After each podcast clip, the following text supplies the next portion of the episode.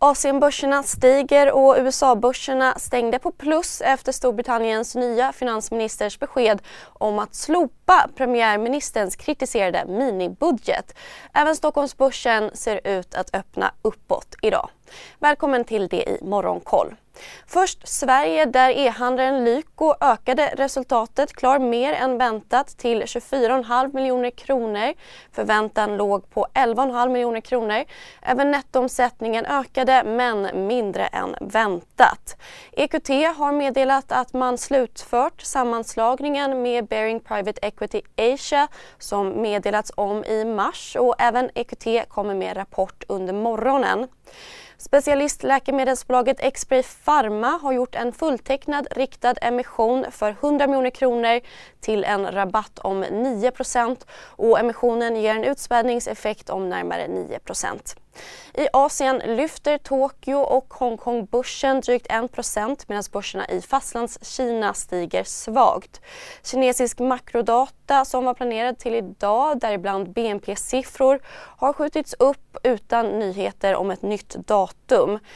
Techbolag går starkt överlag i Hongkong. Elbilstillverkaren BYD lyfter 6% efter preliminära kvartalssiffror igår. Även biltillverkaren Geely lyfter 4 och protokollet från Australiens centralbanks senaste räntemöte visar att ledamöterna valde mellan en höjning på 25 eller 50 punkter.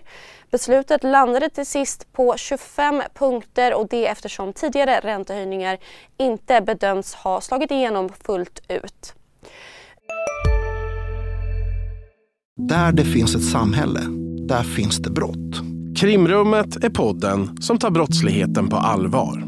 Jag bjuder in landets ledande experter och tar upp aktuella rättegångsfall för att begripliggöra den kriminalitet som kryper allt närmare. Du, alltså, du kan knäcka ett eller några gäng, men det kommer komma nya och så kan vi knäcka dem sen. Men att du ska knäcka allt forever, det kommer aldrig ske. Det är infinite gain. Lyssna på Krimrummet, en podd från Expressen med mig Kim Malmgren. USA-börserna stängde klart uppåt igår. S&P 500 steg 2,5% Lyft bland techjättar gav stöd till Nasdaq-indexet som lyfte knappt 3,5% vilket var största uppgången sedan i slutet av juli. Bank of America steg 6% efter att ha rapporterat ett högre resultat än väntat. Även JP Morgan fortsatte upp 4% Vidare har Microsoft nu bekräftat att de går vidare med planerade nedskärningar efter ett kvartal med bolagets sämsta omsättningstillväxt på fem år. Bidens administration vill ta in ytterligare 10 till 15 miljoner fat olja från landets nödreserver och det för att motverka stigande oljepriser. Brentoljan stiger svagt till att handlas för knappt 92 dollar fatet. Slutligen höjer tyska flygbolaget Lufthansa sin prognos för vinst och kassaflöde för 2022. Enligt preliminära siffror väntas rörelseresultatet nu landa på över en miljard euro för helåret mot tidigare prognosen på en halv miljard euro. På agendan idag flera rapporter från bland annat riskkapitalbolaget EQT och nätbanken Avanza under morgonen. EQTs rapport blir utan resultaträkning och fokus kommer istället ligga på bolagets bedömning av värdeutvecklingen i fonderna.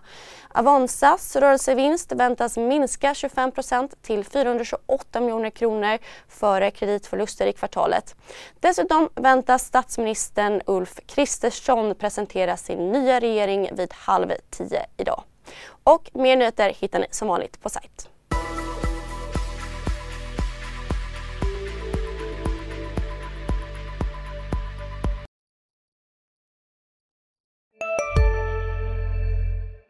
Har du också valt att bli egen? Då är det viktigt att skaffa en bra företagsförsäkring. Hos oss är alla småföretag stora och inga frågor för små. Swedeas företagsförsäkring är anpassad för mindre företag och täcker även sånt som din hemförsäkring inte täcker. Gå in på swedea.se företag och jämför själv. Hej, Synoptik här. Hos oss får du hjälp med att ta hand om din ögonhälsa. Med vår synundersökning kan vi upptäcka både synförändringar och tecken på vanliga ögonsjukdomar. Boka tid på synoptik.se.